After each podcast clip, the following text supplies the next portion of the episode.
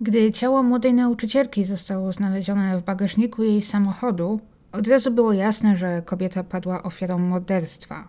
Zaraz dokonano jeszcze gorszego odkrycia.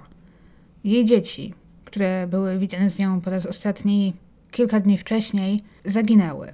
Te wydarzenia okażą się być zaledwie wierzchołkiem góry lodowej, wierzchołkiem skomplikowanej historii, w którą zamieszanych jest wiele osób połączonych dziwną pajęczyną intryg, kilku innych zaginięć i tajemnic. Witam w aneksie. Ja mam na imię Agnieszka, jeśli jeszcze się nie znamy. I dziś zapraszam Was do kolejnego odcinka z serii Lodowca czy Góry Lodowej True Crime, gdy w każdym odcinku wybieram sobie sprawę z coraz to niższych poziomów lodowca.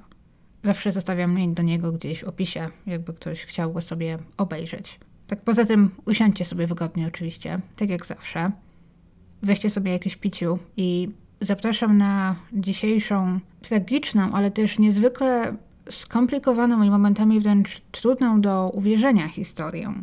Dzisiejsza historia często jest nazywana sprawą morderstw mainline, mainline murders, bo mainline to jest taka nieformalna nazwa na region w stanie Pensylwania w USA, na obrzeżach miasta Filadelfia. Obejmuje właśnie w głównej mierze przedmieścia i mniejsze miasteczka i ta nazwa mainline, główna linia, bierze się od znanej trasy kolejowej, która tamtędy przebiega. Obecnie, jak i w latach 70. i 80., o których będziemy dziś mówić, w Mainland mieszkało wielu zamożnych i wpływowych ludzi. Były to takie bogate przedmieścia, które do dziś są pełne bogatych domów, drogich centrów handlowych czy dobrych szkół. I o szkołach, a w zasadzie o jednej szkole w Mainline będziemy dziś mówić, jak i o tajemnicach ich pracowników. Zapraszam. Zacznijmy od wczesnego poranka, w poniedziałek 25 czerwca 1979 roku. Wtedy na policję w Harrisburgu w Pensylwanii spłynął telefon od mężczyzny, który przedstawił się jako Larry Brown. Larry Brown miał mówić z takim jakimś hiszpańskim lub latynoskim akcentem, który jednak według osoby, która z nim rozmawiała, zdawał się być udawany. Tak jakby ktoś chciał ukryć swoją prawdziwą tożsamość, prawdziwy akcent. Niestety z powodu jakiegoś błędu połączenie to nie zapisało się, więc nie możemy go teraz odsłuchać i ocenić. Jedynie bazujemy na pamięci dyspozytora i zrobionych wtedy notatkach. Mężczyzna przedstawiający się jako Larry Brown powiedział, że przed hotelem Host Inn na obrzeżach Harrisburga zaparkowany jest pomarańczowy samochód. I w tym samochodzie znajduje się bardzo chora kobieta, która pilnie potrzebuje pomocy. W to miejsce więc zostaje odesłana policja i karetka. Pomarańczowy samochód, Plymouth Horizon, zostaje prędko zauważony. Zwłaszcza, że miał otwarty i lekko uchylony bagażnik. To właśnie w bagażniku policjanci znajdują kobietę, lecz nie chorą, a martwą, i to już od jakiegoś czasu. Jej ciało było nagie i skulone w pozycji embrionalnej, z kolanami podciągniętymi pod kratkę piersiową. Po stanie ciała widać było, że musiało znajdować się tam minimum kilkanaście godzin, prawdopodobnie około 24. Później okaże się, że samochód ten, właśnie z tak uchylonym bagażnikiem, był widziany przez innych ludzi już dzień wcześniej, 24 czerwca, a może nawet wieczorem 23. Przy kobiecie nie było żadnych dokumentów, ale na podstawie tej stacji jej samochodu ustalono, że ofiarą była 36-letnia wtedy nauczycielka Susan Reinhardt. Susan pochodziła ze stanu Pensylwania, była nauczycielką angielskiego. To też na studiach nauczycielskich poznała swojego męża, Kenefa, Kena Reinhardta. Na początku, ponieważ Ken po studiach był związany z wojskiem, para często przeprowadzała się, mieszkając w różnych miejscach w Stanach Zjednoczonych, nawet w Porto przez jakiś czas.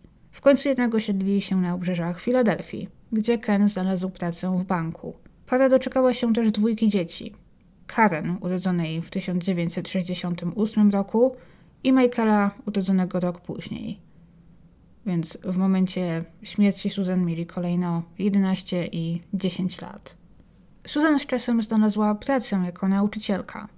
W roku 71, dokładnie 8 lat przed swoją śmiercią, została zatrudniona w liceum Upper Marion High School, który znajduje się w mieście King of Prussia. To wszystko jest na obrzeżach Filadelfii.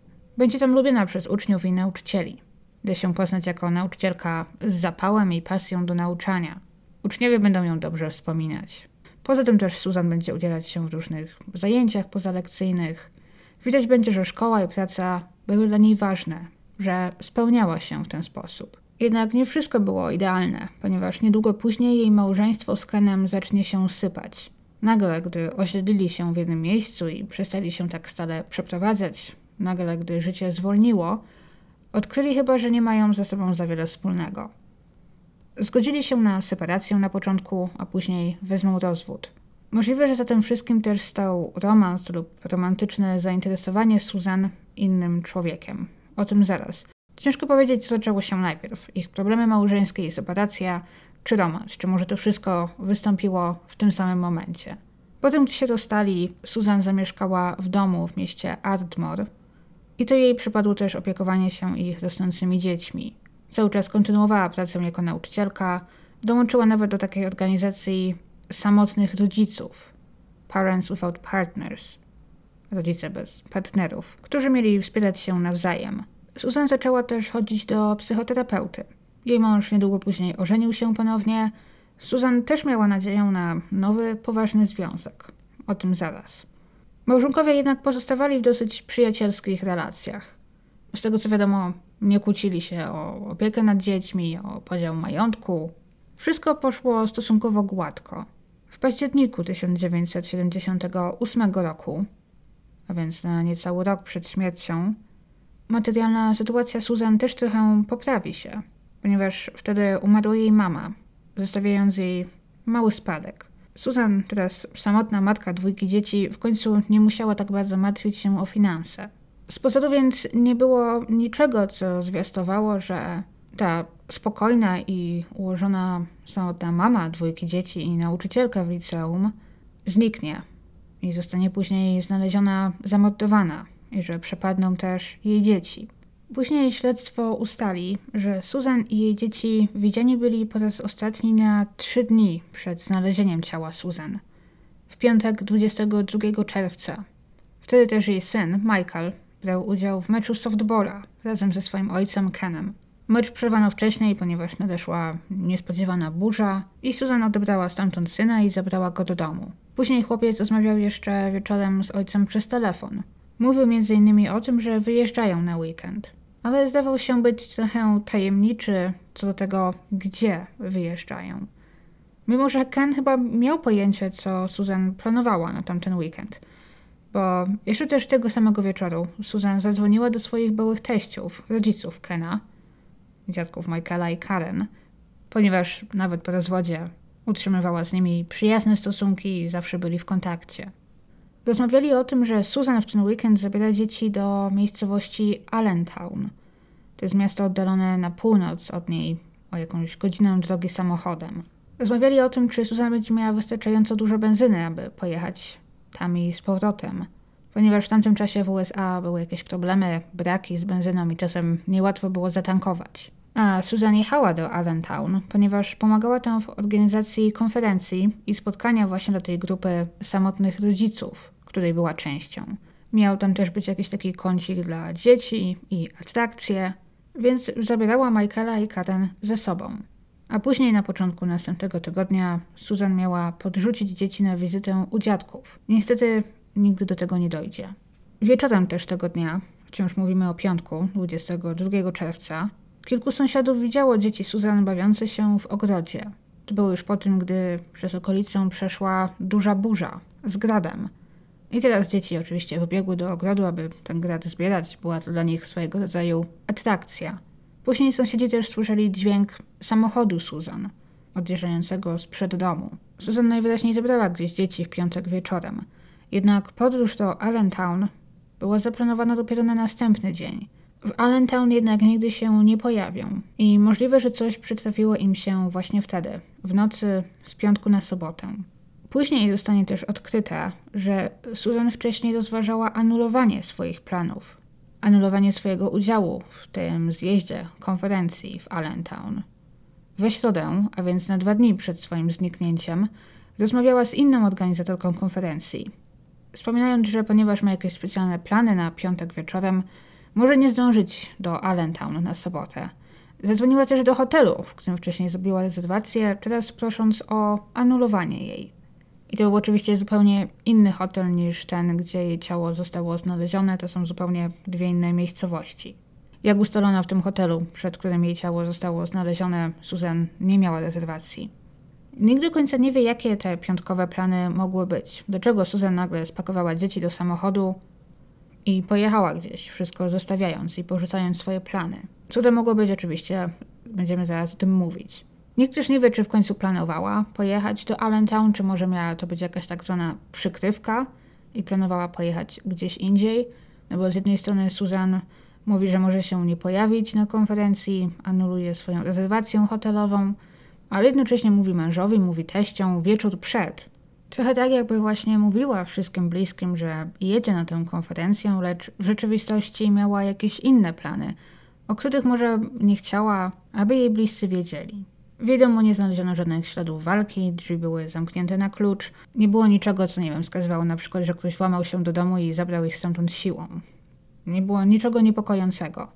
Ciekawym jednak było to, że w domu znaleziono ich walizki, jakby przygotowane, aby je spakować, a na łóżkach dzieci leżały ubrania poskładane w kostkę i przygotowane, tak jakby właśnie miały zostać spakowane do tych walizek. Trochę tak jakby Susan przerwała na chwilę pakowanie na ich wyjazd i nigdy nie było dane jej do tego powrócić. Co jeszcze bardziej chyba wskazywało na to, że, że jeżeli coś wywabiło ją z domu, mogło to być nagłe, albo Susan planowała może wyjść tylko na godzinę czy dwie, po czym wrócić i dokończyć pakowanie. Na pewno nie jechała jeszcze do Allentown, skoro nie spakowała i nie zabrała rzeczy na nocleg. Innym ciekawym tropem będzie to, że okaże się, że Susan zaczęła wypłacać swoje oszczędności z konta. Wypłaciła większość pieniędzy, które odziedziczyła po swojej mamie. Z powodu różnych limitów wypłaciła tę gotówkę w kilku partiach, jako powód podając pracownikom banku inwestycję, którą ci zapisali, zapamiętali sobie jako możliwie dosyć podejrzaną i niepewną i próbowali nawet odradzić jej. Kilka dziwnych rzeczy więc dzieje się w tygodniach prowadzących do jej śmierci. Teraz ciało Susan zostało znalezione. Nigdzie nie było śladu jej dzieci. Oczywiście prędko ustalono, że nie były one ani pod opieką jej ojca, dziadków, przyjaciół Susan czy opiekunek. Nikt nie miał pojęcia, co mogło stać się z Karen i Michaelem. Autopsja wykaże na początku, że Susan musiała zginąć na około 24 godziny przed odnalezieniem. Chociaż później będą co do tego wątpliwości, niektórzy będą sądzić, że może nawet zginęła już w piątek wieczorem. Jednak oficjalnie podejrzewa się, że zginęła nocą z soboty na niedzielę. Jej ciało było nagie, lecz nie zauważono żadnych śladów gwałtu, wykorzystania. Obrażenia wskazywało na to, że Susan była związana przed śmiercią łańcuchami. Zauważono na jej ciele też wiele siniaków i zadrapań. Za przyczynę śmierci na początku uznano uduszenie, które mogło być wynikiem dwóch rzeczy. Ktoś zakleił usta Susan taśmą, co oczywiście utrudniło jej częściowo oddychanie. Taśmy na jej twarzy nie znaleziono, natomiast znaleziono taką klejącą się warstwę, po prostu pozostałości kleju, po tym gdy ktoś taśmę z jej twarzy odkleił. Następnie Susan uduszono, zaciskając jej coś na szyi. Ale potem będą wątpliwości, czy to to na pewno spowodowało śmierć, bo później okaże się, gdy zakończony zostanie raport toksykologiczny, że przed śmiercią Susan wstrzyknięto dużą dawkę morfiny, dawkę około dziesięciokrotnie większą niż śmiertelna, więc już samo to mogło ją zabić. Poza tym w jej organizmie wykryto barbiturany, dosyć powszechne w latach 70., środki nasenne, obecnie już rzadko używane z powodu wielu skutków ubocznych. Nikt z otoczenia Susan nie wiedział nic o tym, aby Susan używała jakichkolwiek używek czy leków nasennych. Zresztą tak wysokie stężenie raczej wykluczała, że Susan przyjęłaby morfinę dobrowolnie, czy przypadkiem przedawkowała. Ktoś musiał więc zrobić jej ten zastrzyk bez jej wiedzy albo bez jej woli. Miejsce, gdzie jej ciało i samochód zostały znalezione, znajdowało się około 150 km od jej domu w Ardmore. I nie było to w ogóle w kierunku Allentown, gdzie miała pojechać w sobotę na konferencję, ale w kierunku zachodnim. Allentown znajdowało się na północ. Innymi słowy, kobieta nie miała żadnego znanego nam przynajmniej powodu, aby pojechać do Harrisburga czy w jego okolice w tamten weekend. Poza tym w samochodzie Susan znaleziono kilka ciekawych rzeczy. Były tam opakowania po fast foodach i napojach, koc, ręcznik, pluszaki jej dzieci, kilka ulotek, a pod jej ciałem, gdy jej ciało podniesiono z bagażnika, pod nim znaleziono niebieski grzebień.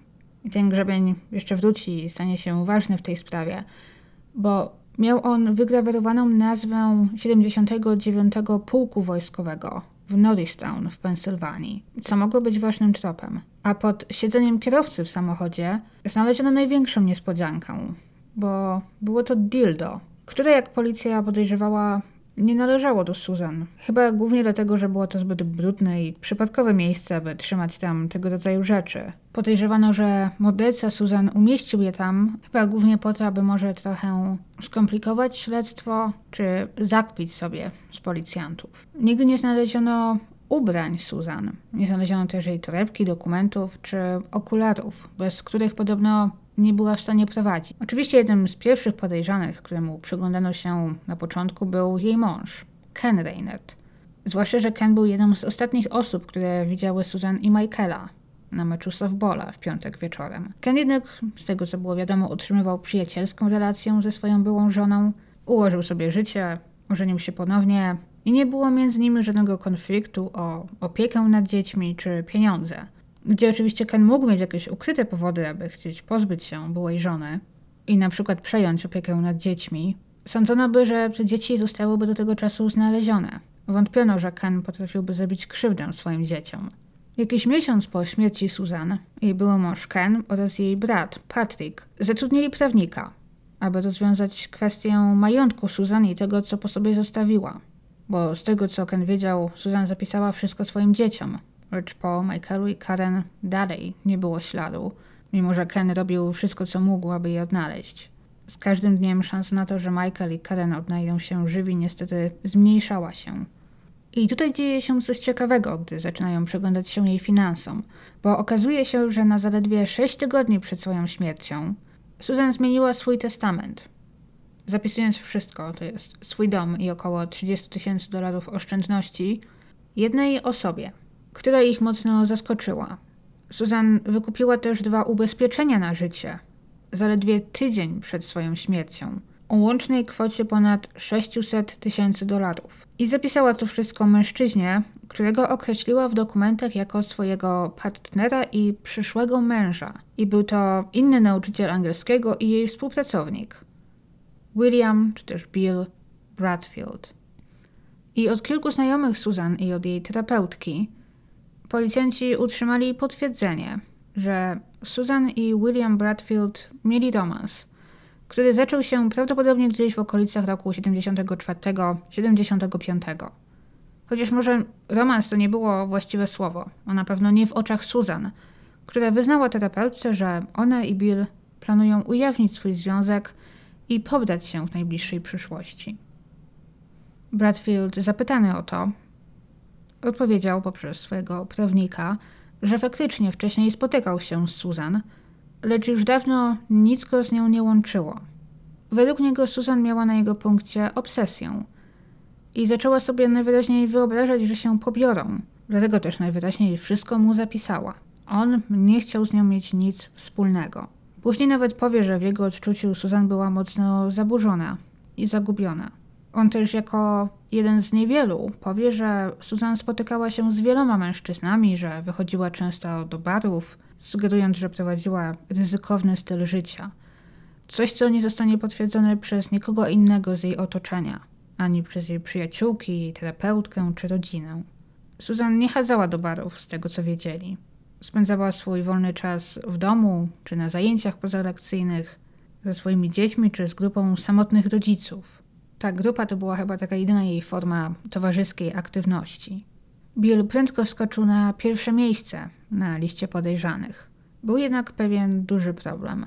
Gdy Susan zaginęła, gdy, jak przypuszczano, zmarła, Bill spędził cały ten weekend w miejscowości Cape May w New Jersey. To jest takie turystyczne miasteczko na wybrzeżu. Spędzał ten weekend w grupie przyjaciół i znajomych, innych nauczycieli. Wszyscy potwierdzili jego alibi, do tego Bill miał też rezerwacje hotelowe, rachunki z Cape May, Wszystko potwierdzało jego słowa, co czyniło sprawę jeszcze bardziej skomplikowaną. Do tego kontakt z nim był utrudniony, bo w dniu znalezienia Susan, Bradfield poleciał na zaplanowaną już dużo wcześniej wyprawę do Nowego Meksyku, gdzie zapisał się na takie wakacyjne seminarium dla nauczycieli i miał spędzić tam całe lato. Nie był może zupełnie niechętny do współpracy, ale nie miał też zamiaru rozmawiać z policjantami. Zawsze kierował ich do swojego adwokata. I musimy tutaj chyba powiedzieć trochę więcej o Williamie Bradfieldzie. Jest to jedna z wielu króliczych dziur, do jakich możemy wpaść, czytając o tej sprawie. Bradfield uczył angielskiego i literatury w tym samym liceum co Susan. Był zresztą kierownikiem ich wydziału. Większość znajomych zwracała się do niego po prostu Bill. Bill kochał literaturę i sztukę. Kochał czytać. Chociaż niektórzy uważali, że było to trochę na pokaz, bo Bill rzeczywiście posiadał pokaźną kolekcję książek, około pięciu tysięcy, lecz rzadko kiedy ktoś widział go czytającego cokolwiek. Ale Bill znał Grekę. Nie było wątpliwości, że był wykształcony i inteligentny. Możliwe, że to między innymi przyciągało do niego kobiety. Ale gdyby zapytać jeszcze przed wydarzeniami, przed śmiercią Susan, gdyby zapytać innych uczniów i nauczycieli, co sądzili o Billu Bradfieldzie, każdy pewnie powiedziałby, że był on szanowanym, lubianym nauczycielem, który też miał niejedną ciekawą historię do opowiedzenia. Bill mocno przyjaźnił się z amerykańskim poetą nazwiskiem Ezra Pound, w pracach którego zakochał się jeszcze jako student. I kilka słów o nim. Może nie ma to aż takiego dużego wpływu na tę historię, natomiast miało na pewno to duży wpływ na to, kim był Bill Bradfield i jak był postrzegany. Ezra Pound sporą część swojej kariery spędził we Włoszech, innymi w dwudziestoleciu międzywojennym i w czasie swojej kariery jako poeta, pisarz zaprzyjaźnił się innymi z brytyjskim poetą Williamem Yatesem, nawet z Hemingwayem, gdy był w Paryżu. W latach 30. jednak, gdy Pound mieszkał we Włoszech, Zaczął otwarcie popierać Benito Mussoliniego. W czasie wojny prowadził nawet anglojęzyczny program w rzymskim radiu, krytykujący działania Stanów Zjednoczonych i popierających Mussoliniego i Hitlera. Pod koniec wojny został aresztowany przez Amerykanów we Włoszech i odesłany do USA z zarzutami zdrady stanu. Uznany za niepoczytalnego, spędził ponad dekadę w szpitalu psychiatrycznym i więzieniu. Wypuszczony stamtąd w roku 1958 Powrócił do słonecznej Italii, gdzie też miał spędzić resztę swojego życia. A w czasie swojego pobytu w więzieniu w Stanach zaczął korespondować właśnie z jednym ze swoich największych fanów, Billem Bradfieldem. Ich przyjaźń trwała lata. Bill będzie pomagał Ezrze, będzie spełniał wszystkie jego prośby, załatwiał dla niego różne rzeczy na wolności, czy nie wiem, wysyłał mu książki i tak dalej. Gdy Ezra Pound umrze w roku 1972, Bill mocno to przeżyje i przejdzie przez długi okres depresji i żałoby. Oczywiście ta znajomość też tam gdzieś dodawała mu wartości jako nauczycielowi, bo przyjaźń z kimś, kto znał blisko Hemingwaya i innych poetów i pisarzy była oczywiście wartościowa. Jedna szkoła zapewne chciałaby mieć takiego nauczyciela.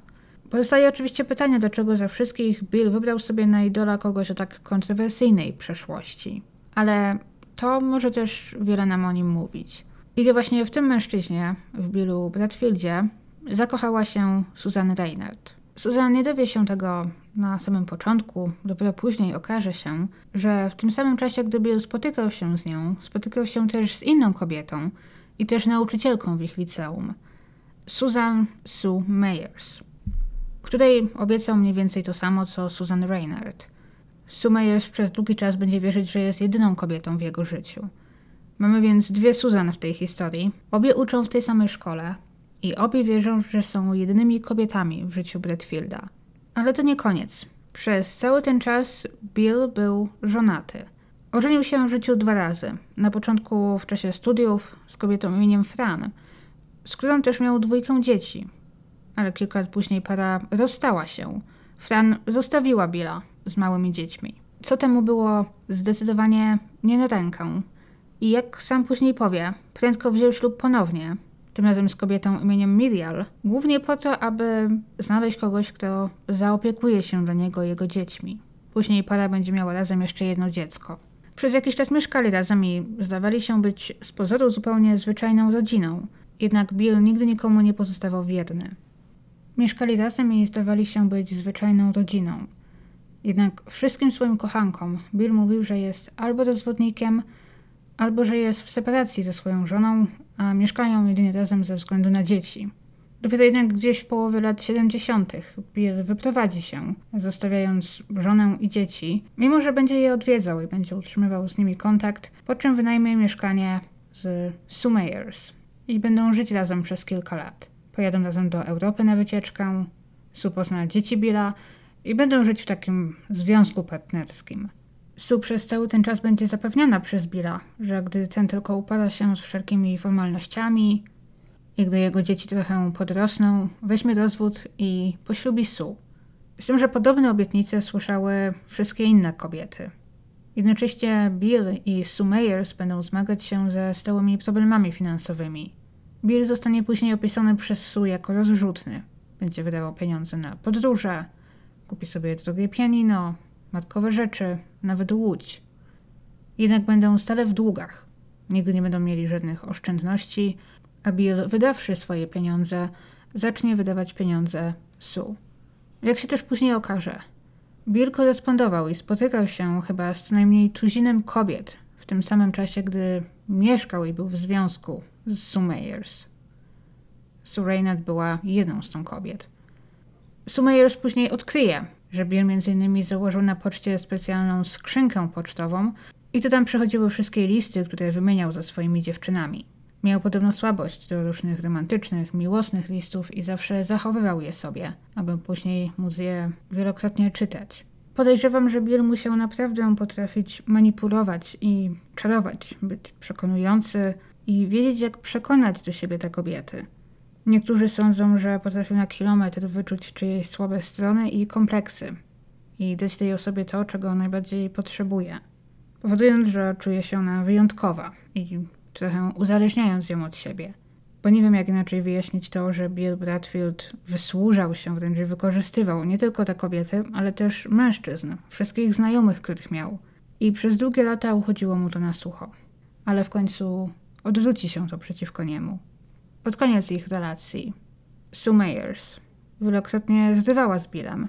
I z jednej strony zdaje się, że temu powinno być wszystko jedno. Miał przecież innych kobiet na pęczki ale może nie potrafił pogodzić się z tym, że ktoś z nim zrywa, a nie na odwrót. Zawsze obiecywał poprawę i błagał Sue, aby do niego wróciła. I ta wracała. Nie wiem, jak Bradfield żonglował tymi wszystkimi kobietami i romansami, jednocześnie pracując na pełen etat i jeszcze spędzając czas ze swoimi dziećmi. Niektórzy porównują jego sposób traktowania ludzi wokół siebie do czegoś, co robią przywódcy sekt.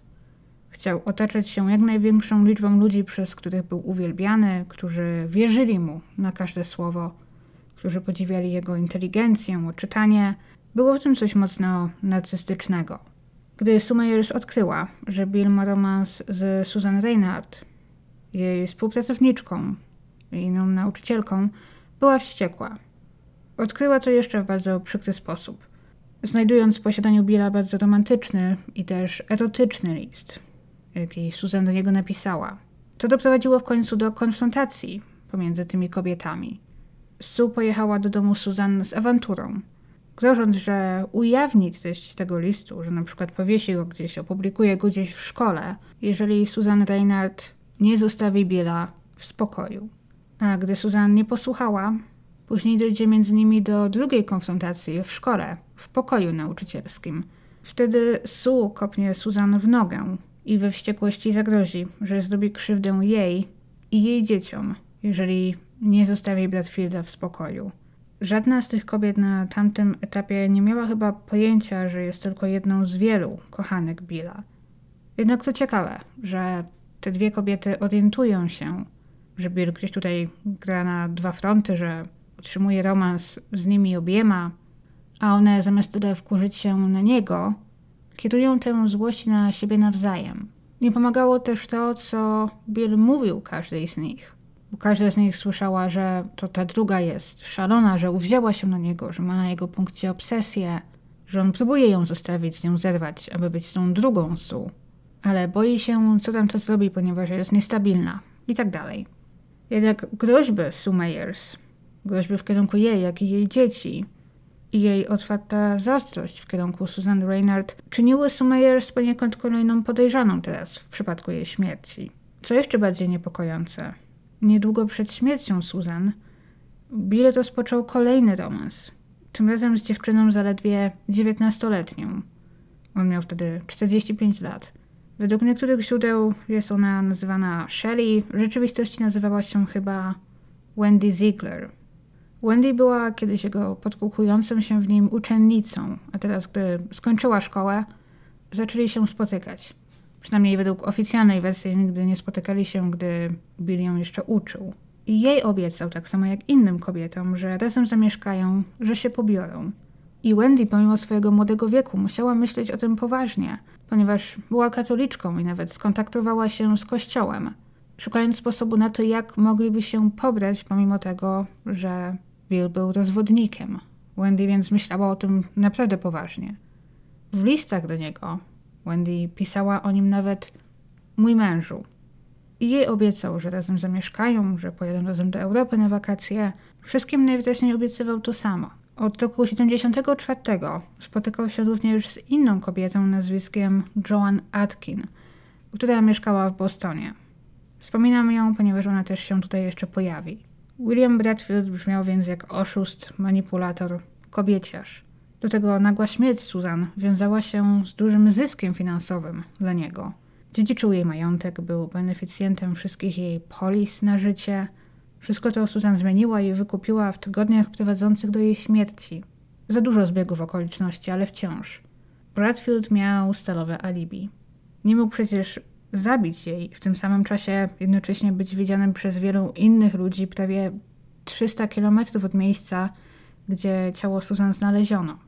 Jeżeli Bill Bradford był jakoś zamieszany w jej śmierć, musiał celowo tak daleko wyjechać w tamten weekend, aby zapewnić sobie alibi. A modestwa Susan dokonał ktoś, kto z nim współpracował. Kto to jednak mógł być? Jedna z jego wielu dziewczyn? Jeden z mężczyzn, którymi manipulował? Okazuje się, że wiele poszlak poprowadzi do nikogo innego, jak do samego dyrektora szkoły, w której Susan i Bill pracowali. Bo kolejną postacią w tej historii, o której nie możemy nie pomówić, jest dyrektor ich liceum, dr J.C. Smith, przy którym Bill zresztą zdaje się momentami być aniołem wręcz. Niesamowite w zasadzie, że w jednym liceum pracowało tak wielu dziwnych ludzi, że toczyło się tam tak wiele oszustw i romansów. Dr J. Smith był kimś, kto uchodził za mocno ekscentrycznego.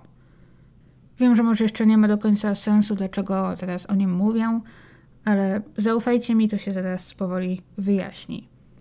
Nie jest do końca jasne, jak blisko byli Bill Bradfield i Jay Smith. Jednak w którymś momencie coś musiało ich połączyć. Mimo, że ogólnie Jay Smith trzymał się z daleka od innych nauczycieli i nie chciał się z nimi integrować, jeżeli nie musiał. Uchodził za dosyć pedantycznego, dziwnego, za bakteriofoba, który mył ręce do 50 razy dziennie. Poza tym też zawsze chciał być zostawiony w spokoju, gdy był w pracy. Nie chciał kłopotać się problemami uczniów i nauczycieli, jakby to w ogóle nie należało do jego obowiązków. Jeżeli ktoś przychodził do niego z problemem, ten starał się zbyć tą osobę jak najszybciej. Poluzował mocno zasady w szkole, zniósł dress code. Teraz nauczyciele i uczniowie mogli ubierać się jak chcieli. I mimo, że zdawał się nie pracować za dużo, spędzał w szkole dużo czasu. Czasem nawet nocował w swoim biurze i był widziany wędrujący wieczorem po szkolnym korytarzu w samej bieliźnie, w drodze do łazienki. Po mieście krążyła też plotka, że Jay Smith miał problemy z kleptomanią. Wielu właścicielów sklepów w okolicy, w pobliżu jego szkoły, domu, dobrze wiedziało, że Jay Smith ma lepkie ręce. Niektórzy zgłosili to na policję. I to nie to, że Smitha nie było na coś stać. Chyba po prostu lubił kraść. Często mniejsze rzeczy. Na początku jednak nikt nie robił mu z tego powodu problemów. Bill uchodził za wykształconego, szanowanego członka społeczeństwa – i tak to już jest, gdy jest się bardziej uprzywilejowanym, więcej przewinień uchodzi nam na sucho. W szkole Smith często zdawał się być ponury i miał dla wielu dziwne, bardzo specyficzne spojrzenie i oczy. Książę ciemności. Takie przezwisko miał wśród kadry nauczycielskiej i pracowników szkoły. Pasował do tego jeszcze długi czarny płaszcz, jaki zwykle nosił. Patrząc na niektóre jego zdjęcia, mocno przypomina mi on journalista, jeżeli pamiętacie tę sprawę. Ale poza tym, trochę tak jak Bill Bradfield, prowadził z pozoru dosyć normalne życie. Również miał rodzinę, miał żonę Stephanie i dwie córki. Starszą, której również dano na imię Stephanie i młodszą Sherry. Ale podobno i Smith nie był wierny swojej żonie. Miał w swoim życiu szereg romansów i tajemnic, o których też jego żona wiedziała, ale chyba zdecydowała się ignorować. Przynajmniej tak wynika z jej pamiętnika, który wtedy prowadziła. Co też ciekawe, wszyscy opisują Stefani jako sympatyczną, dającą się lubić kobietę, otwartą i towarzyską, lubiącą plotkować i zawierać przyjaźnie. Zupełne przeciwieństwo jej męża. W połowie lat 70. Stefani jednak miała inne problemy na głowie niż dziwne zachowania czy tajemnice jej męża. Zdiagnozowano u niej raka, który szybko się pogarszał.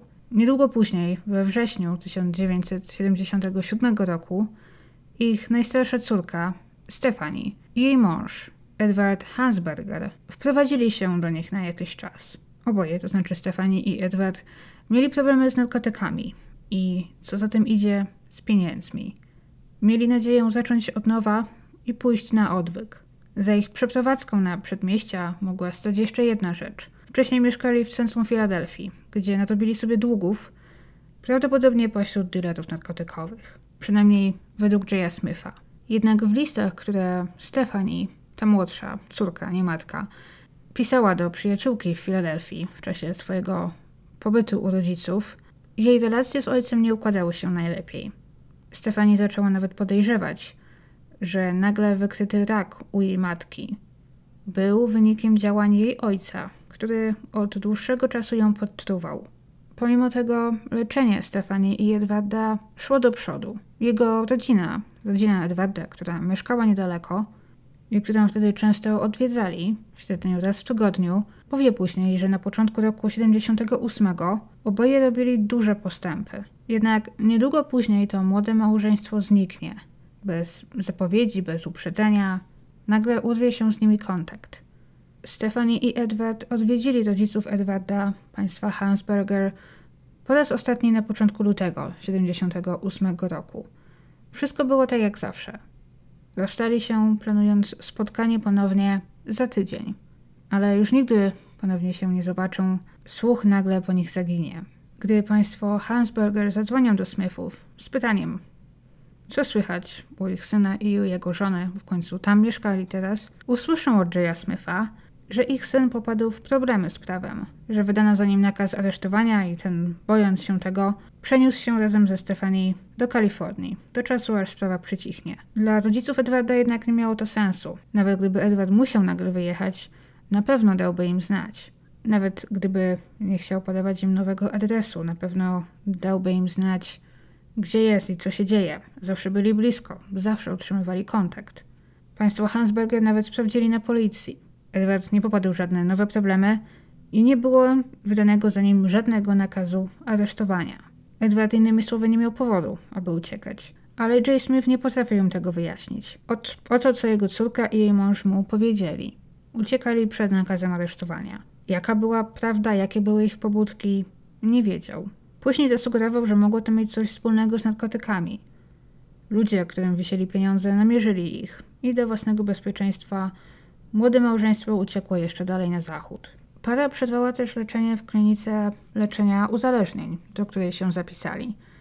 Gdy ktoś z kliniki zadzwonił na numer, który podali, był to telefon w domu państwa Smithów, odebrał Jay, który znów powiedział im, że para zdecydowała się kontynuować leczenie na własną rękę. Zdaje się więc, że Jay Smith miał wymówkę dla każdego, kto poszukiwał Stefanii i Edwarda Hansbergerów. Lecz problem w tym, że po wizycie tej pary u rodziców Edwarda nikt nigdy więcej już ich nie widział i nie miał z nimi kontaktu, a przynajmniej nie na pewno. Tylko Jay zdawał się mieć zawsze wytłumaczenie, co się z nimi stało. Tylko on zdawał się nie być w ogóle zaniepokojony ich nagłym zniknięciem czy wyjazdem. Tylko on zdawał się być z nimi w kontakcie. Losy Edwarda i Stefani do dziś nie są znane. biorąc pod uwagę ich problemy, nie jest aż tak dziwnym, że mogli faktycznie zdecydować się nagle wyjechać. Ale ich zupełny brak kontaktu z kimkolwiek bliskim nie jest już tak typowy.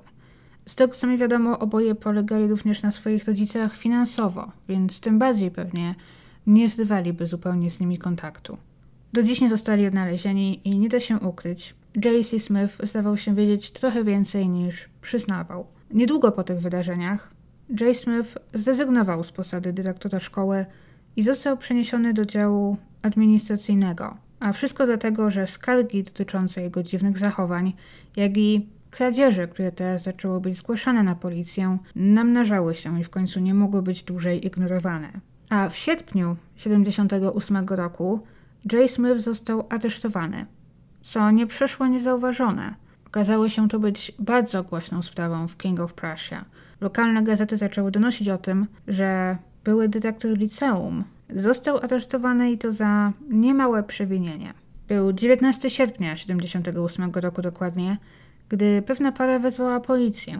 Po tym, gdy zobaczyli dziwnie zachowującego się mężczyznę, który zajechał pod centrum handlowe, przed którym siedzieli.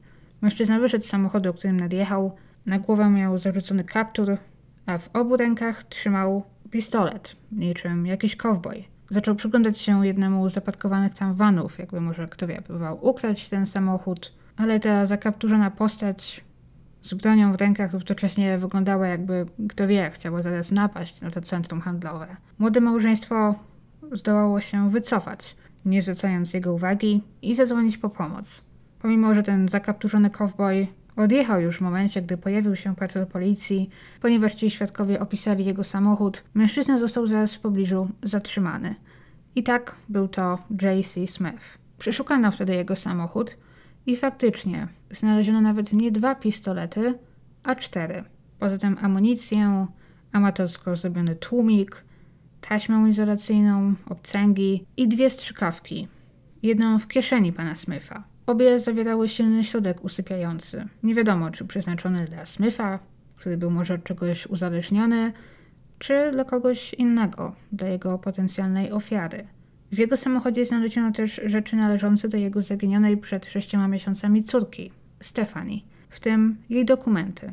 Prędko uzyskano też nakaz przeszukania jego domu, gdzie znaleziono więcej narkotyków, wszelkiego rodzaju tabletki na receptę, których mu nigdy nie przepisano, i sporo marihuany. I to chyba nie tylko na własny użytek, bo było jej tam ponad 1 kg.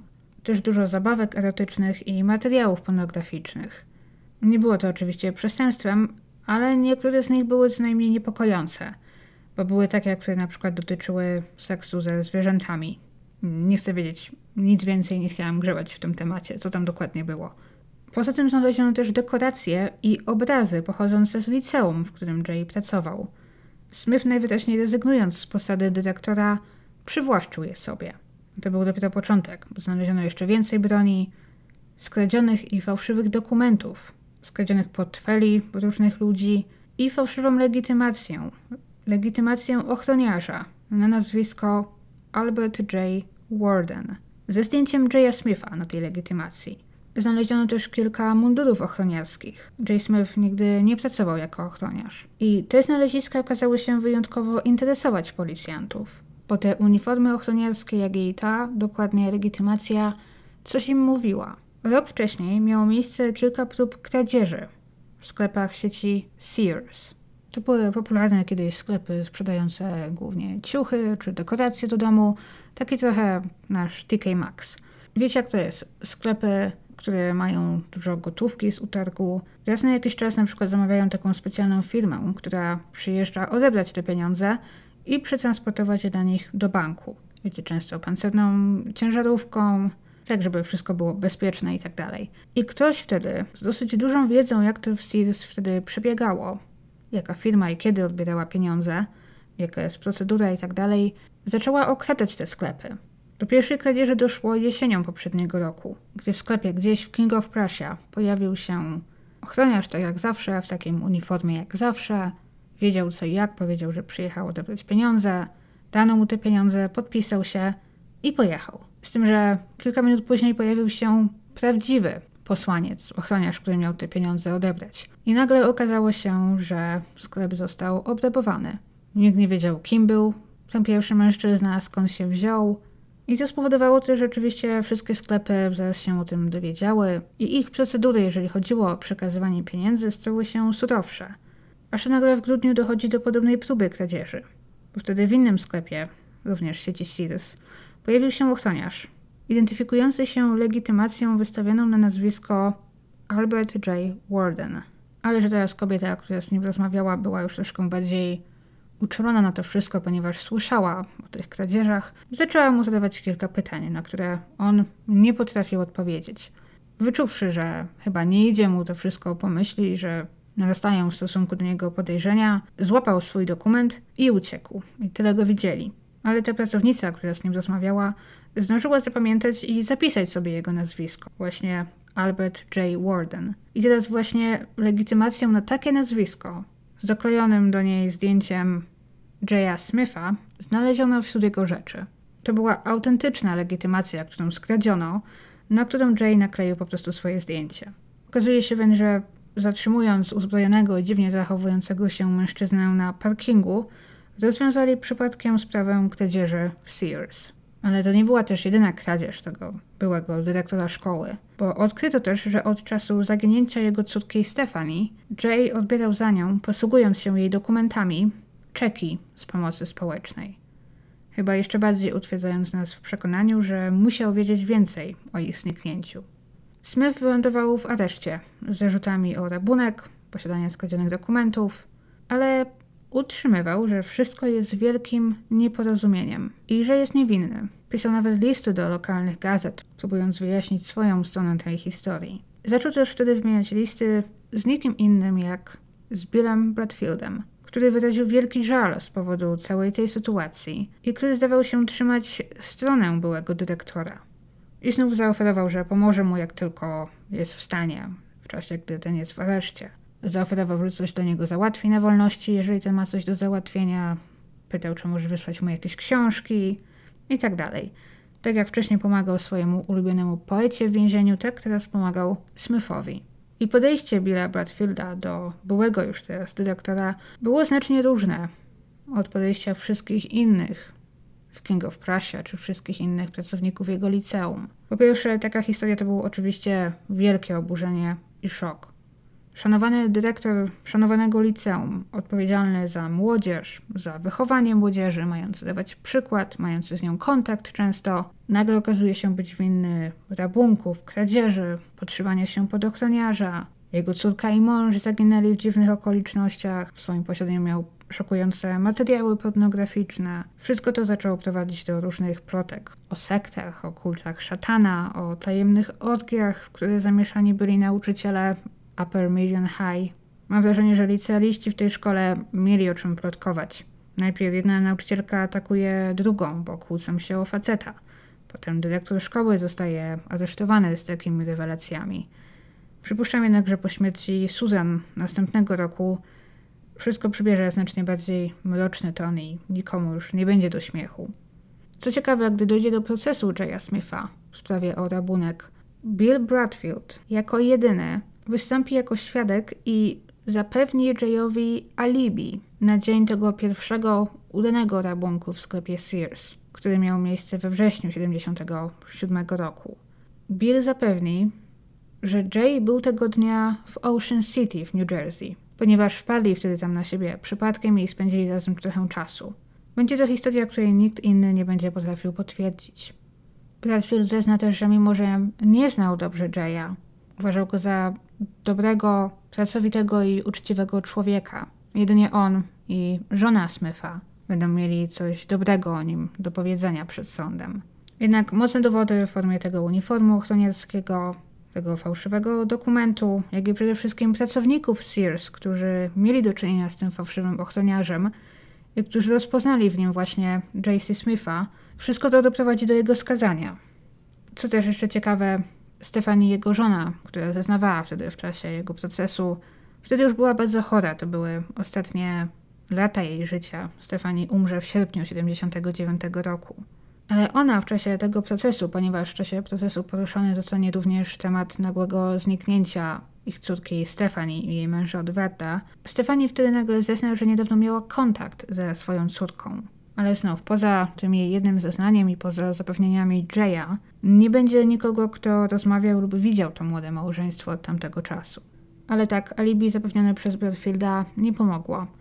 Jay C. Smith został skazany na 5 lat więzienia za napad na sklep Sears. Co ciekawe, dowiedział się o tym wyroku 25 czerwca 1979 roku. To znaczy, został uznany winnym już wcześniej, trafił do aresztu, ale pozwolono mu wyjść za kaucją, po czym na wolności wolno mu było oczekiwać na rozprawę, podczas której zostanie ustalona długość jego kary. I rozprawa ta miała miejsce 25 czerwca 1979 roku i miała miejsce nigdzie indziej jak w Harrisburgu w Pensylwanii. Możliwe, że pamiętacie to miasto i tę datę z początku tej historii, bo to na obrzeżach Harrisburga właśnie znaleziono ciało Susan Reynard. I znaleziono je zaledwie kilka godzin przedtem, gdy Jay Smith zgłosił się, aby usłyszeć swój wyrok. I z tą sprawą Smitha łączyła jeszcze jedna bardzo ważna rzecz.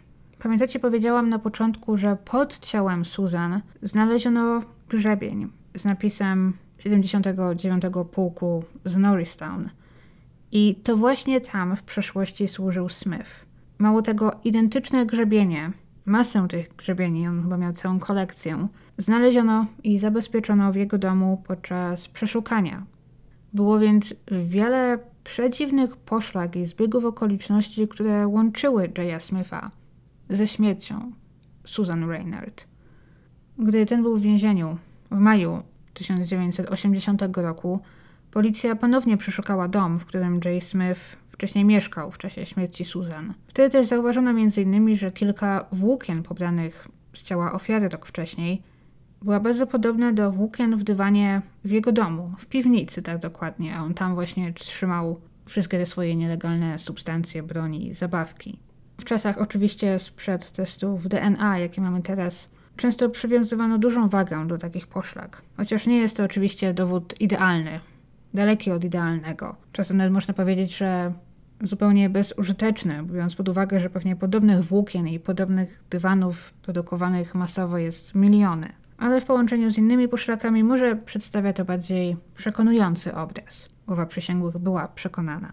Z tego dywanu pobrano też i zabezpieczono kilka włosów, które później analizowane pod mikroskopem okazały się być bardzo podobne do włosów Susan Reinhardt, ale znów tylko podobne. Nikt nie potrafił potwierdzić, że to były na 100% jej włosy. Nawet nie wiem, czy zachowano je, aby na przykład później móc porównać DNA, gdy takie testy zaczęto robić. Nawet nie wiem, czy były na nich cebulki włosów, aby móc to DNA pobrać. Jeżeli jednak to Jay Smith zabił Susan Reinhardt i prawdopodobnie też zabił jej dzieci, co nim motywowało? Smith i Susan znali się oczywiście. Ten przez wiele lat był jej szefem, ale nie była to bliska relacja. Nie wiadomo nic o tym, aby ci widywali, spotykali się poza pracą. Dlaczego więc ten miałby zabijać Susan? Co ciekawe, była tylko jedna osoba z ich grona, która utrzymywała, że Jay Smith i Susan Reinhardt znali się lepiej niż mogło się wydawać i że nawet mieli romans. I tak był to Bill Bradfield. Jednak to wciąż Bradfield zdawał się mieć najlepszy motyw, aby chcieć pozbyć się Susan. Susan przed śmiercią też, jak już wspomniałam na początku, zaczęła wypłacać duże sumy pieniędzy ze swojego konta oszczędnościowego, łącznie około 25 tysięcy. Były to w większości pieniądze, które odziedziczyła po swojej mamie. Jak wyjaśniła, wypłacając pieniądze, miała zamiar włożyć je w pewne inwestycje, które gwarantowały jej przyzwoity i pewny zwrot. Co ciekawe, podczas przeszukania jej domu znaleziono dokumenty faktycznie potwierdzające zakup różnych akcji i obligacji, które łącznie składały się właśnie na około 25 tysięcy. Był jednak jeden wielki problem. Papiery te były podrobione, a akcje dotyczyły nieistniejących firm i były tym samym bezwartościowe.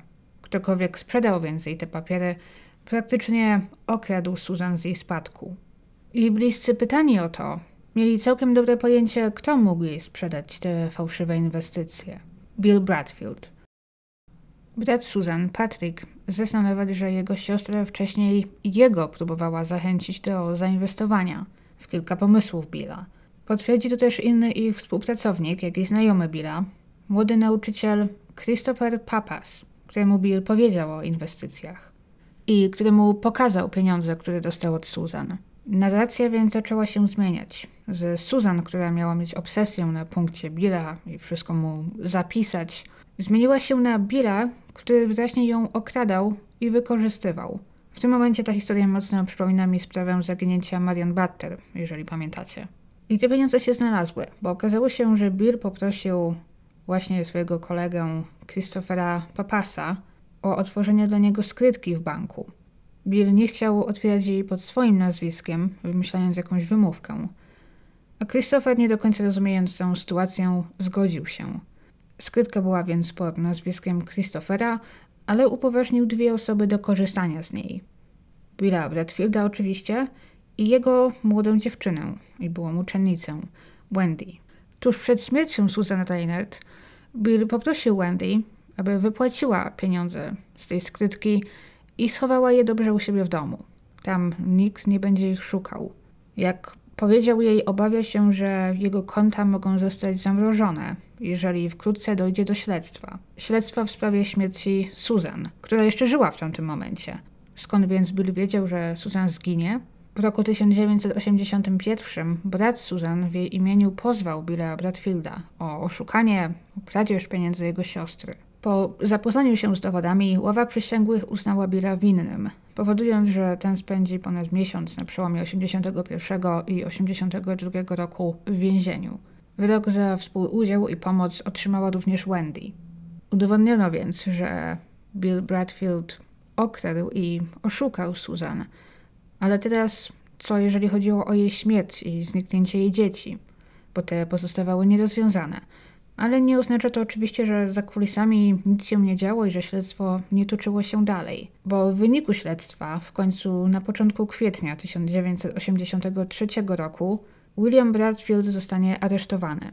Pod zarzutem potrójnego morderstwa, ponieważ prokuratura uzna, że skoro Michael i Karen nie odnaleźli się po tylu latach, prawdopodobnie nie żyją. Jedną z podstaw, aby móc go zatrzymać, było zeznanie więźnia, 23-letniego wtedy proktora Noela, który siedział w więzieniu razem z Bradfieldem, gdy ten odsiedywał wyrok za kradzież pieniędzy Susan. Teraz Noel zeznał, że Bradfield w czasie pobytu w więzieniu przyznał mu się do udziału w morderstwach Susan, Karen i Michaela, mimo że proktor później to zeznanie wycofa.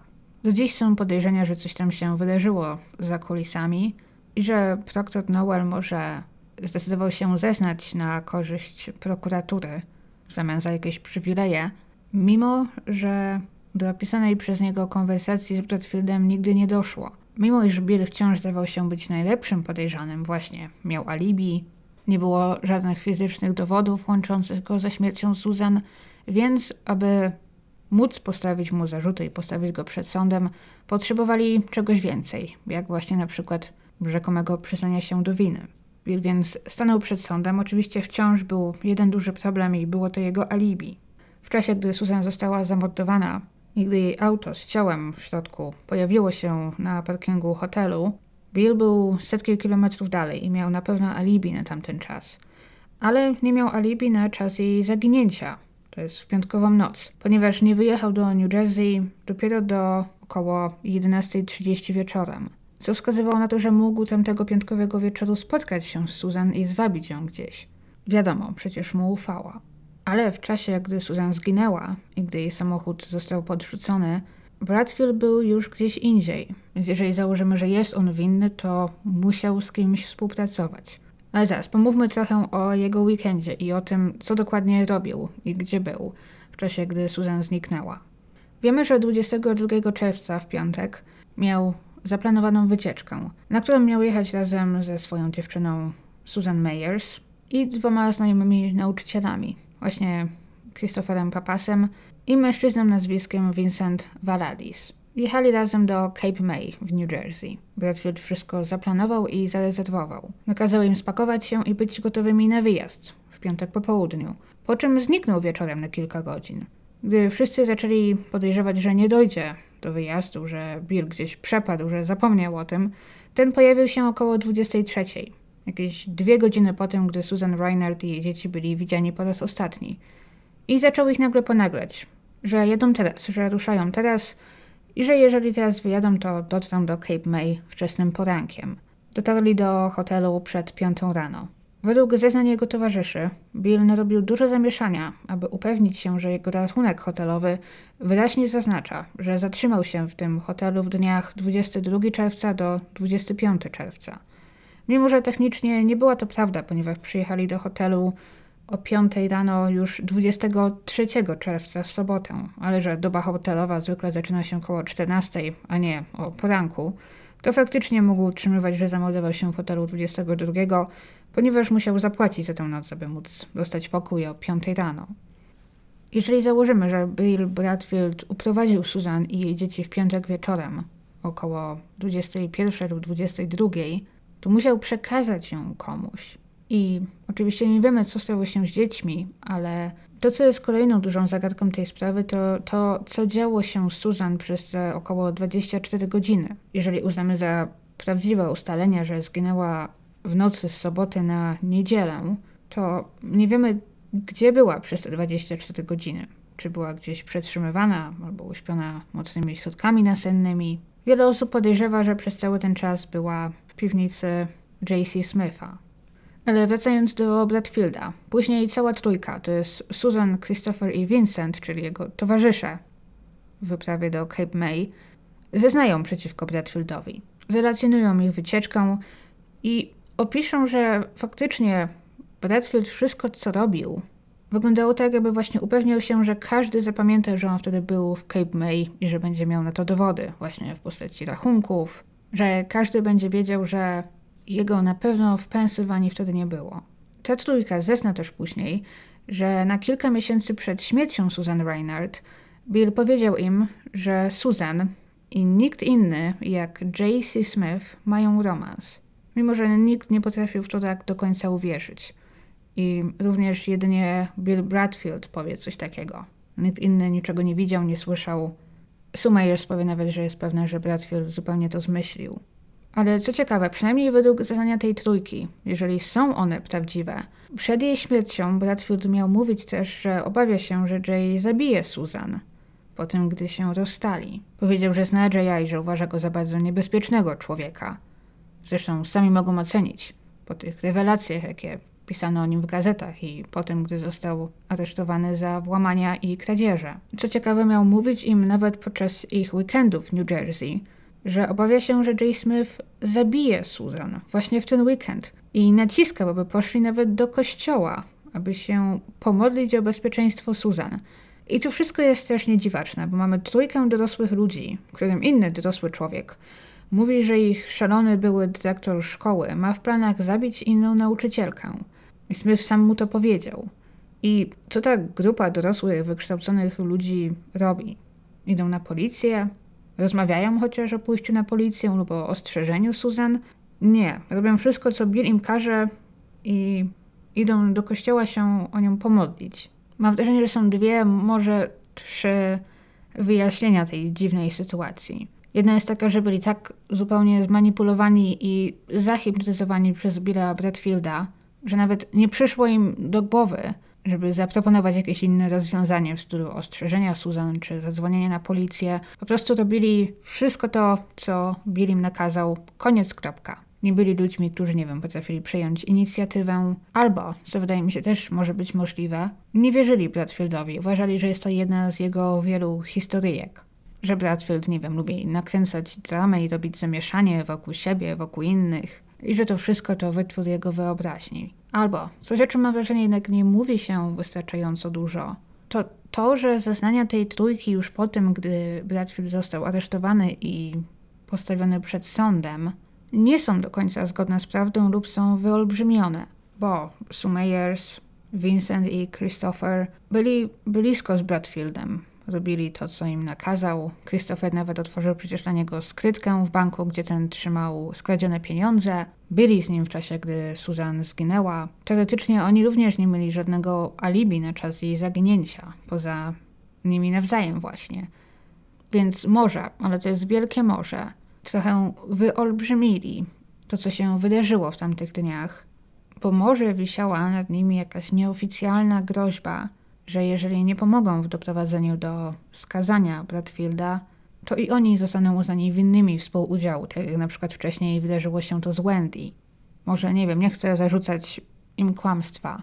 Po prostu to, co można przeczytać o Bradfieldzie, relacje z ich weekendu, z tego o tym, co Bradfield mówił, to wszystko wydaje się tak dziwne i nienaturalne, że ciężko wręcz uwierzyć, że to wszystko miało miejsce, że Bradfield mówił, że Jay Smith może zamordować Susan, kazał im się iść modlić o nią do kościoła.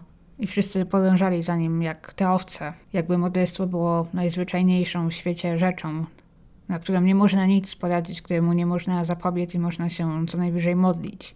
Ale wracając do historii. Cała czwórka wróciła do King of Prussia w poniedziałek i Bill poprosił Joan Atkins, tą jego kolejną dziewczynę, która akurat była w mieście, aby podrzuciła go na lotnisko, bo tego dnia leciał do Nowego Meksyku, gdzie zaczynał te wakacyjne studia, które już dużo wcześniej zaplanował.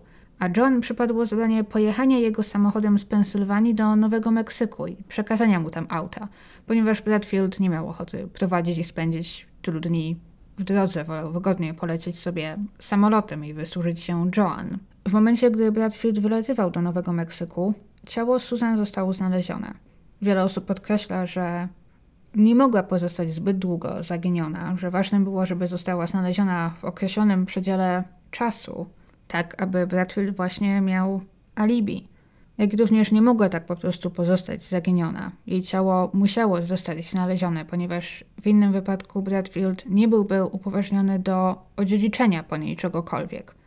Do czasu aż nie zostałaby uznana za zmarłą, co czasem może zająć dekady. Bill Bradfield miał więc alibi na większość tamtego weekendu.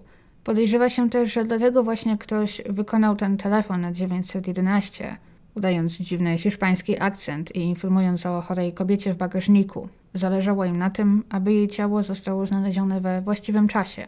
Bradfield faktycznie miał alibi na większość tego czerwcowego weekendu. Ale kto nie miał alibi? Jak się okazuje, J.C. Smith. Jak on sam powie, spędził ten weekend sprzątając swój dom, z którego się wyprowadzał, ponieważ wiedział, że miał pójść do więzienia. Mimo, że próbował utrzymywać, że był tamtego dnia widziany przez kilka osób, nikt nie potrafił tego potwierdzić. Poza tym wiemy też, że Smith musiał być w okolicach Harrisburga, gdzie ciało Susan znaleziono, ponieważ musiał się tam stawić przed sądem w poniedziałek. Ale pierwszy proces w 1983 roku dotyczył tylko Billa Bradfielda, który, mimo że dowody były poniekąd, nie poniekąd, były poszlakowe, został uznany winnym morderstwa Susan, Karen i Michaela i otrzymał tym samym wyrok do żywocia. Bradfield do końca będzie utrzymywał, że jest niewinny. A później też J.C. Smith, który odbywał wtedy wyrok w więzieniu za napad na sklepy Sears i kradzieże, został oskarżony i skazany za pomoc w morderstwach. W odróżnieniu od Bradfielda, ponieważ wierzono, że to właśnie on zamordował ofiary, działając na zlecenie Bradfielda, Smith został skazany na karę śmierci, która jednak nigdy nie zostanie wykonana. Bo to jeszcze nie koniec. J.C. Smith z więzienia ciężko pracował, aby udowodnić swoją niewinność. Zatrudnił nowego adwokata. Był to adwokat przyznany mu z urzędu, jednak jak się okaże, adwokat naprawdę dobry. William Kostopoulos, który zresztą później napisze jedną z wielu książek o tej sprawie. Principal Suspect. Historia J.A. Smitha i morderstw w Mainline. W jego książce wyjaśni, dlaczego jego zdaniem jego klient został wrobiony, robiony przez Bradfielda i będzie próbował udowodnić, że Smith jest niewinny. Kostopoulos był bardzo skrupulatny i zagłębiając się jeszcze raz w akta sprawy, w dokumenty sądowe, udowodnił, że były małe, zatajone dowody i fakty, dokumenty, którymi prokuratura nie podzieliła się z obrońcą Smitha. Dzięki czemu w grudniu 1989 roku Sąd Najwyższy zarządził nowy proces dla Jaya Smitha. Do tego procesu jednak nigdy nie doszło. W końcu zdecydowano się uniewinnić Smitha i wypuścić go na wolność, do czego doszło w roku 1992. Kolejnym powodem, dla którego możliwe Smitha też tak łatwo uniewinniono, była książka. Książka o tytule Echo w ciemności autorstwa dziennikarza Josepha Łambota, który wydał ją jeszcze przed skazaniem Smitha. Jednak sugerował w niej mocno, że to właśnie Smith jest winnym zamordowania Susan i współpracował z Bradfieldem. Później będzie dużo kontrowersji z tym związanych, bo okaże się, że dziennikarz zapłacił innemu policjantowi za udostępnienie mu wielu materiałów z tej sprawy i to na długo przed procesem Smitha, co nie było legalne. W roku 1998 Bill Bradfield zmarł z powodu ataku serca w więzieniu, do końca życia utrzymując, że jest niewinny. Gdy wyczyszczono celę z jego prywatnych rzeczy, znaleziono w niej jedno intrygujące zdjęcie, o którym nie wiadomo wiele, tylko to, że zostało wywołane w roku 1984. Zdjęcie to zdaje się przedstawiać taki bardzo charakterystyczny kamień o kształcie przypominającym niektórym zakapturzoną postać. Kamień ten zdaje się być niewielki i stoi na ziemi, w lesie albo w ogrodzie. Widać, że otaczają go pożółkłe brązowe liście, a w tle widać zielone gałązki i liście krzaków. Nikt nie potrafi wyjaśnić, gdzie zdjęcie zostało zrobione i dlaczego Bradfield je miał. Biorąc pod uwagę, że więźniowie mają mocno ograniczoną przestrzeń w swoich celach, wszystko, co ze sobą zabierają, zwykle ma dla nich jakieś znaczenie. Jakie znaczenie mogło mieć to zdjęcie? Niektórzy podejrzewają, że ten charakterystyczny kamień oznacza miejsce, gdzie Karen i Michael zostali pochowani i że zdjęcie to było swojego rodzaju trofeum. Jednak w roku 1984, gdy zostało wywołane, Bradfield siedział już w więzieniu, więc kto do niego wywołał to zdjęcie? I dlaczego Bradfield trzymał je tyle lat? Nikt do dziś nie wie. Polecam rzucić okiem. Kto wie, może ktoś kiedyś gdzieś rozpozna ten specyficzny kamień i zagadka się wyjaśni. Jestem ciekawa, co sądzicie, bo zdecydowanie opinie na temat tej sprawy można podzielić na kilka grup, kilka obozów. Są tacy, którzy uważają, że tylko Bradfield jest winny, a Jay Smith faktycznie został wrobiony że fakt znalezienia tego bardzo charakterystycznego grzebienia, który prowadził właśnie do Smitha, grzebienia znalezionego dokładnie pod ciałem zmarłej Susan Reynard, że to był wręcz trop zbyt idealny. Tak jakby ktoś chciał właśnie wrobić Smitha i że mógł to być właśnie Bradfield. Że miał nadzieję wrobić Smitha w morderstwo Susan i odziedziczyć po niej pieniądze. Inni uważają, że to tylko J.C. Smith zamordował Susan a Bradfield nie miał z tym nic wspólnego, co ja osobiście nie wierzę. Bradfield musiał, jeżeli nie planować zamordowanie Susan, to wiedzieć, że ona zostanie przez kogoś zabita. Dlatego też nakłonił ją do zmienienia testamentu i wykupienia polis na życie. Trzecia opcja jest taka, ja nie wiem, osobiście chyba najbardziej się do niej przychylam, że J.C. Smith i William Bradfield działali razem. Może coś w tym jest, że oszust zawsze rozpozna oszusta. Mam wrażenie, że Bradfield mógł zaproponować Smithowi, że może pomoże wyciągnąć go z więzienia, zeznając na jego korzyść podczas jego procesu o rabunek, pomimo że oczywiście jego zeznanie niewiele przyniosło. Został uznany za niewiarygodnego i Smith i tak poszedł do więzienia.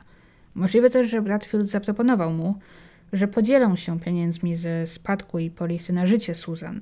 Nie sposób chyba powiedzieć, który z nich zabił Susan, ponieważ później jej czas śmierci był poddawany w wątpliwość. Wciąż możliwym jest, że to Bradfield zabił Susan i jej dzieci, po czym przekazał ciała Jayowi, który jest winny tylko ukrycia ciał, a nie morderstwa. I to on był też odpowiedzialny za porzucenie ciała Susan w miejscu publicznym, dopiero gdy Bradfield będzie daleko, aby miał alibi. Możliwe też, że sądzili, że nikt nie połączy Smitha ze śmiercią Susan, bo ten przecież nie miał powodu, aby ją zabijać. Z tego co wiadomo, ledwo ją znał. I może faktycznie tak łatwo by go nie połączono, gdyby nie ten grzebień znaleziony w jego samochodzie i jego aresztowanie rok wcześniej. To zresztą Smith będzie później argumentował, próbując udowodnić swoją niewinność. Mianowicie, że Bradfield zabił Susan, że on jest za to wszystko odpowiedzialny, a Smith jest niewinny i został zwyczajnie wrobiony i zmanipulowany przez Bradfielda, który był przecież wspaniałym kłamcą i manipulatorem. Dlatego też Bradfield już miesiąc wcześniej budował fundamenty tej historii, mówiąc, że Smith i Susan mają romans, że według niego Jay jest niebezpiecznym człowiekiem i że może zabić Susan, w nadziei, że to odwróci podejrzenia od niego. Nie można jednak zapominać też o zaginięciu córki Jaya Smitha i jej męża i o tym, jak dziwacznie Smith zachowywał się w związku z ich zniknięciem. Bo gdyby faktycznie zdawał się nie wiedzieć, co się z nimi stało, gdyby chociaż udał zaniepokojenie, czy próbował ich odnaleźć, Może faktycznie opcja, że małżeństwo zniknęło, że chcieli ukryć się przed mafią czy wierzycielami, lub że zostali przez nich zamordowani, miałoby więcej sensu. Ale Smith opowiada każdemu inną historię i usiłuje wszystkich zapewnić, że wszystko z nimi w porządku, że nie ma potrzeby ich szukać, że wyjechali z własnej woli.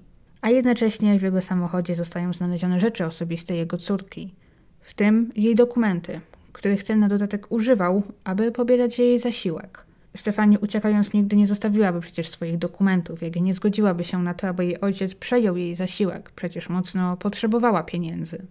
Nie jest więc niewykluczonym, że Jay Smith zabił swoją córkę i jej męża dla własnych korzyści, po czym zdołał ukryć gdzieś, możliwie zakopać ich ciała. I jeżeli to on zabił Susan i jej dzieci, to w ten sam sposób ukrył również ciała Karen i Michaela.